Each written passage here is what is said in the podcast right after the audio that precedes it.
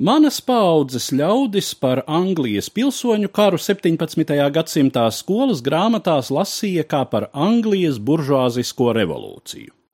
Tā to traktēja ne tikai padomju vēsturnieki, bet arī marksistiskas ievirzes vēsturnieki pašā Lielbritānijā, un zināma loģika viņu spriedumos bija. Patiešām, ja līdz tam Britu salās diezgan daudz bija karots par to, kas valdīs, tad šoreiz pirmām kārtām karoja par to, kā valdīs. Proti, pilsoņu kara galvenais iemesls bija karaļa Čārlza I un Angļu parlamenta atšķirīgie uzskati par monarha varas raksturu. Čārls uzlūkoja sevi par valdnieku no dieva žēlastības, kurš par savu rīcību attiecīgi atbildīgs tikai tā kunga priekšā, Savukārt parlaments bija citās domās. Konflikts nobrieda pamazām, līdz 17. gadsimta 40. gados nonāca līdz atklātai bruņotai cīņai. Britu flote un pilsētas pamatā nostājās parlamenta pusē, kamēr provincē lielāks atbalsts bija karalim. Kas attiecas uz mužniecību, tad tās ievērojami pārstāvji cīnījās kā vienā, tā otrā pusē. Sākotnēji katram no pretiniekiem bija ne vairāk par 15 tūkstošiem vīru, tomēr abas armijas strauji auga. Bez tam kara darbībā iesaistījās arī Skotijas armija. Čārls bija arī skotu karalis, un arī Skotijā viņa varas ambīcijas bija izraisījušas konfliktu. Faktiski jau karaļa pieprasījums piešķirt naudu karošanai pret nepakļāvīgajiem skotiem arī bija galvenais iemesls viņa konfliktam ar parlamentu. Tagad karaļa pretinieki no Skotijas, Lēvenas grāfa vadībā iemaršēja Ziemeļanglijā un pievienojās parlamentāristiem, kurus komandēja Lords Fairfax un Manchesteras grāfs.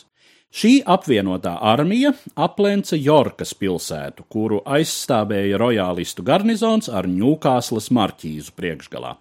Jorkai palīgā steidzās karaļa radinieks Reinas princis Ruperts, kurš līdz tam nebija zaudējis nevienu kauju. Abas armijas sastapās 1644. gada 2. jūlijā, vietā, ko dēvēja par Mārstonu mūru, burtiskā tulkojumā Mārstonas mauru vai Mārstonas muklāju. Šeit, dubļainos laukos un mitrās pļavās, tika izcīnīta Anglijas pilsoņu kara lielākā un savā ziņā arī izšķirošā kauja. Pati kauja bija ļoti juceklīga un nejaušībām bagāta. Pretinieki ilgi nevarēja saņemties uzbrukumam, un kad parlamentāristu spēki beidzot izšķīrās iet uzbrukumā, bija jau vēla pēcpusdiena. Drīz iestājās tumsa, un kauja turpinājās mēnesnīcā. Jāatceras, ka pazīšanās zīmes abām armijām bija diezgan nosacītas. No attāluma bieži nācās grūti atšķirt, vai priekšā ir savējie vai pretinieki.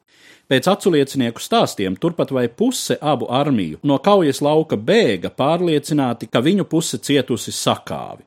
Šādā juceklī stratēģa talants, kāds nenoliedzami bija princim Rupertam, vairs nebija izšķirošais. Vairāk nozīmēja atsevišķu vienību komandieru prasme vadīt sev uzticētos spēkus, un šāds komandieris izšķirošajā vietā un laikā arī atradās parlamentāristu vidū. Tas bija Manchesteras kavalērijas ģenerālleitnants Olivers Kromvels un viņa komandētais pulks tā dēvētie tēraudsāni. Tieši šo 3000 jātnieku trieciens pretinieka kavalērijai izšķīra cīņas likteni pie Mārstona mūras. Anglijas pilsoņu karš turpinājās vēl septiņus gadus. Tā gaitā karalis Čārls bija spiests padoties parlamenta spēkiem, tika notiesāts kā valsts nodevējs un sodīts ar nāvi.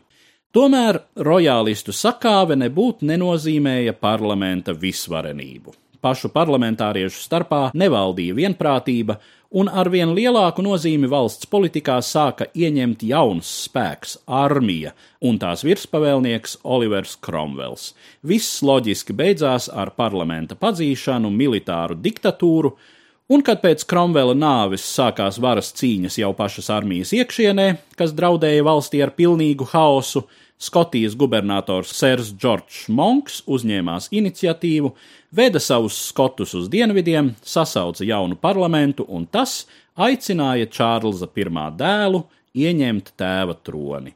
1660. gadā Lielbritānijai atkal bija karalis Čārls II. Stāstīja Eduards Liniņš.